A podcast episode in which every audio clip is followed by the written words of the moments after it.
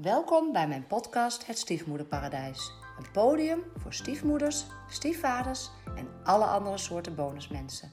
Een plek waar ik met hen in gesprek ga over hun ervaringen met het stiefgebeuren. We bespreken wat er leuk is, lastig is, wat ze anders hadden willen doen of zijn gaan doen. Daarnaast ga ik ook in gesprek met professionals die met bonusmensen werken. En deel ik mijn eigen kennis en ervaring als stiefoudercoach. Mijn naam is Marieke Jansen en mijn doel en missie met deze podcast is om taboes te doorbreken, elkaar te inspireren, elkaar te steunen en heel veel van elkaar te leren. Ik heb er weer heel veel zin in. Hallo, hallo. Nou, ehm, inmiddels ben ik uh, vaak aan het podcast. Ik ben heel benieuwd wat jullie ervan vinden. Maar goed, uh, laat het me gerust weten.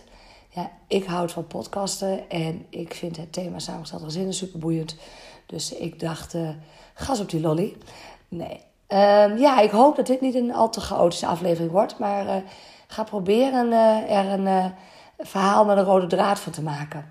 Ja, ga je voor good of or for great is de titel. En uh, ja, dat vraag ik me eens af. Ik heb het idee dat veel mensen um, in het samengestelde gezin al lang blij zijn dat het even rustig is. Um, ja, het loopt niet lekker, maar het kan nog veel erger. Um, ja, mijn leven is eigenlijk wel goed zo. Uh, ik heb niet het idee dat het nog uh, heel veel beter kan. dit is mijn max. Um, ja, is het onbescheiden om meer te wensen dan dat ik nu heb? als ik de verhalen zo hoor, mag ik heel dankbaar zijn. Ik heb niks te klagen. En dat is heel mooi, hè? Echt, uh, dat zie je ook zeker. En toch denk ik soms, ja, waarom uh, neem je genoegen met een 7 of een 6, als het ook een 8 of een 9 kan zijn? Omdat ik je dat gewoon heel erg gun. En um, ja, wat me gewoon uh, vaak opvalt, en dat weten we ook, hè, we hebben natuurlijk uh, uh, 60.000 gedachten ongeveer per dag, hè, waarvan ook nog eens 70% negatief. Ja, halleluja, hoe kan het zijn dat we af en toe nog vrolijk zijn? Um, en dat is ons ego, hè, die uh, praat de hele dag tegen ons aan. En wat ons ego wil, is ons, is ons veilig houden is ons in onze vertrouwde situatie houden, is ons daar houden bij wat we kennen en wat we weten. En waar we weten waar we, wat aan hebben. En ons ego wil uh, vooral niet dat je dingen anders gaat doen, waardoor je leven uit balans kan raken, et cetera.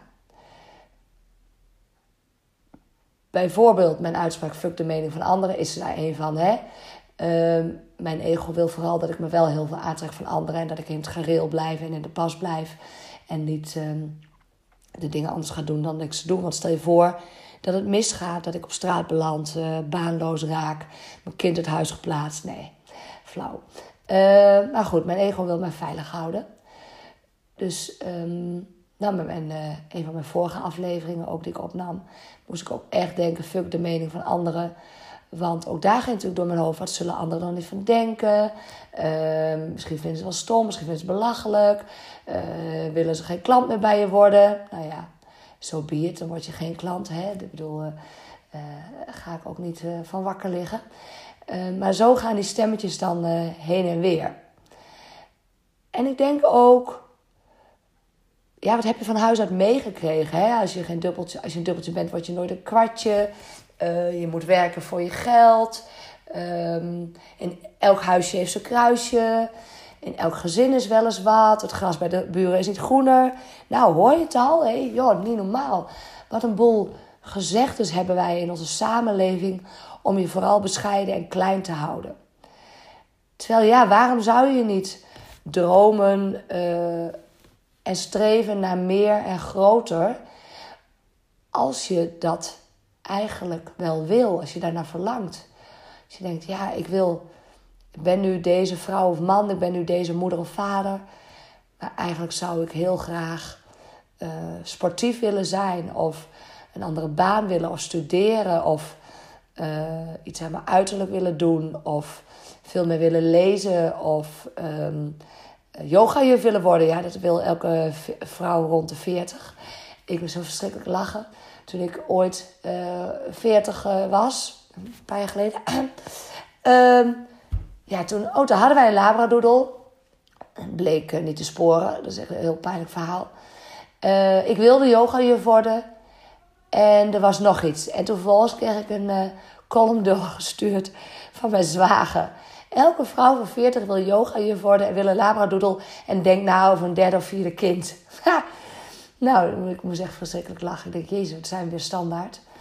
Um, maar ja, wat nou als je stiekem toch af en toe het gevoel bekruipt van... ja, ik wil eigenlijk wel dit of wil eigenlijk wel dat... Maar mag ik dat al vragen? Mag ik dat al verlangen? En vooral denken we dan, kan ik dat wel? Ja, natuurlijk kan je dat. Um, want ik moest net even eerst aan denken van ik dacht, oh, dat moet ik inbrengen in dit verhaal. Um, het gaat erover dat inderdaad je, je gedachten je altijd klein willen houden en in je oude patroon. Oh ja, en dat je overtuigingen je zo vreselijk in de weg zitten. Ja, daar wilde ik naartoe. Zie je, wordt het toch chaotisch. Ja, ik noemde een heleboel overtuigingen op. En ik ben super benieuwd welke jij hebt meegekregen vanuit je opvoeding.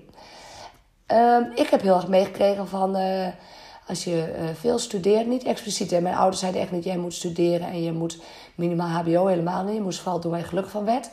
Maar impliciet, door, door, mijn, door het gedrag van mijn eigen ouders, kreeg ik wel mee: oh, als je studeert en je doet nog een studie, dan kan je steeds meer bereiken en dan kan je de baan doen die je wil. Ondernemerschap is mij nooit bijgebracht. En het leuke is nu dat mijn zwager is ondernemer, maar dat is de koude kant. Maar mijn broertje is nu ondernemer en ik ook. Uh, dus langzaamaan uh, is mijn mindset wat dat betreft al aan het shiften. Maar we worden dus heel erg beperkt door alles wat we hebben geleerd van onze opvoeding, vanuit onze omgeving. Maar wat nou als je uh, gewoon out of the box super vrij gaat denken en gewoon gaat fantaseren over wat je allemaal wil. En alle belemmerende overtuigingen uh, even parkeert. Dat zit ook heel mooi in mijn online cursus Mindset in Stiefgezin trouwens. Maar um, ja, ik daag je uit om op zijn minst te gaan nadenken over wat je eigenlijk toch heel graag zou willen misschien een andere bonusmoeder zijn, of een andere moeder zijn, of een andere vrouw zijn, een andere partner zijn. Misschien wil je eigenlijk wel hele spannende dingen in de slaapkamer, maar durf je dat nooit in te brengen. En um, wat ik mooi vond is, je verandert je mindset en je overtuiging en je beeld door te gaan leven zoals de persoon die je wil zijn. En doe dat in kleine stapjes, hè. Als jij denkt, oh, ik zou wat anders aan mijn uiterlijk willen maak dan een klein stapje. Ga dan bijvoorbeeld wel af en toe lippenstift op doen. Of uh, verander je haarkleur een klein beetje. Of denk je, oh, eigenlijk wil ik wel heel graag een keer zo'n... zou ik een hele andere kledingstijl willen. Begin dan bij iets kleins. Wil je eigenlijk sportiever zijn? Uh, nou, ga of gezonder eten. Ga een klein beetje sporten. Ga kleine stappen zetten... Uh, die lijken op het leven zoals je zou willen leiden. Wil je veel met vriendinnen doen? Ehm, en meer uh, vrije tijd en meer uh, buiten je comfortzone grenzen verleggen in activiteiten. Zet er kleine stapjes in. Ga leven zoals de vrouw of man zou leven die dat al zou doen. Maar dan in kleine stapjes. Dus um,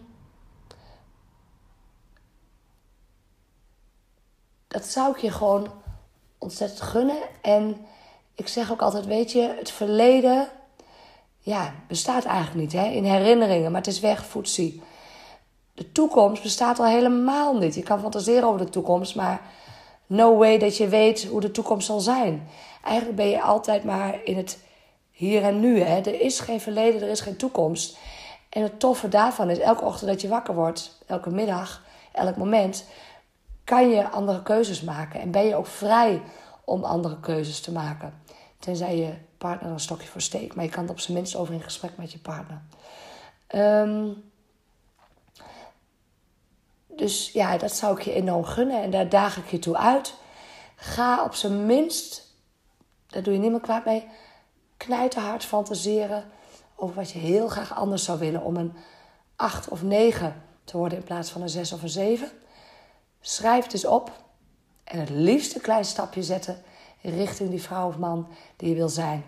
En ja, superleuk als je het met mij zou willen delen. Echt, ik hoor het heel graag en je krijgt een reactie.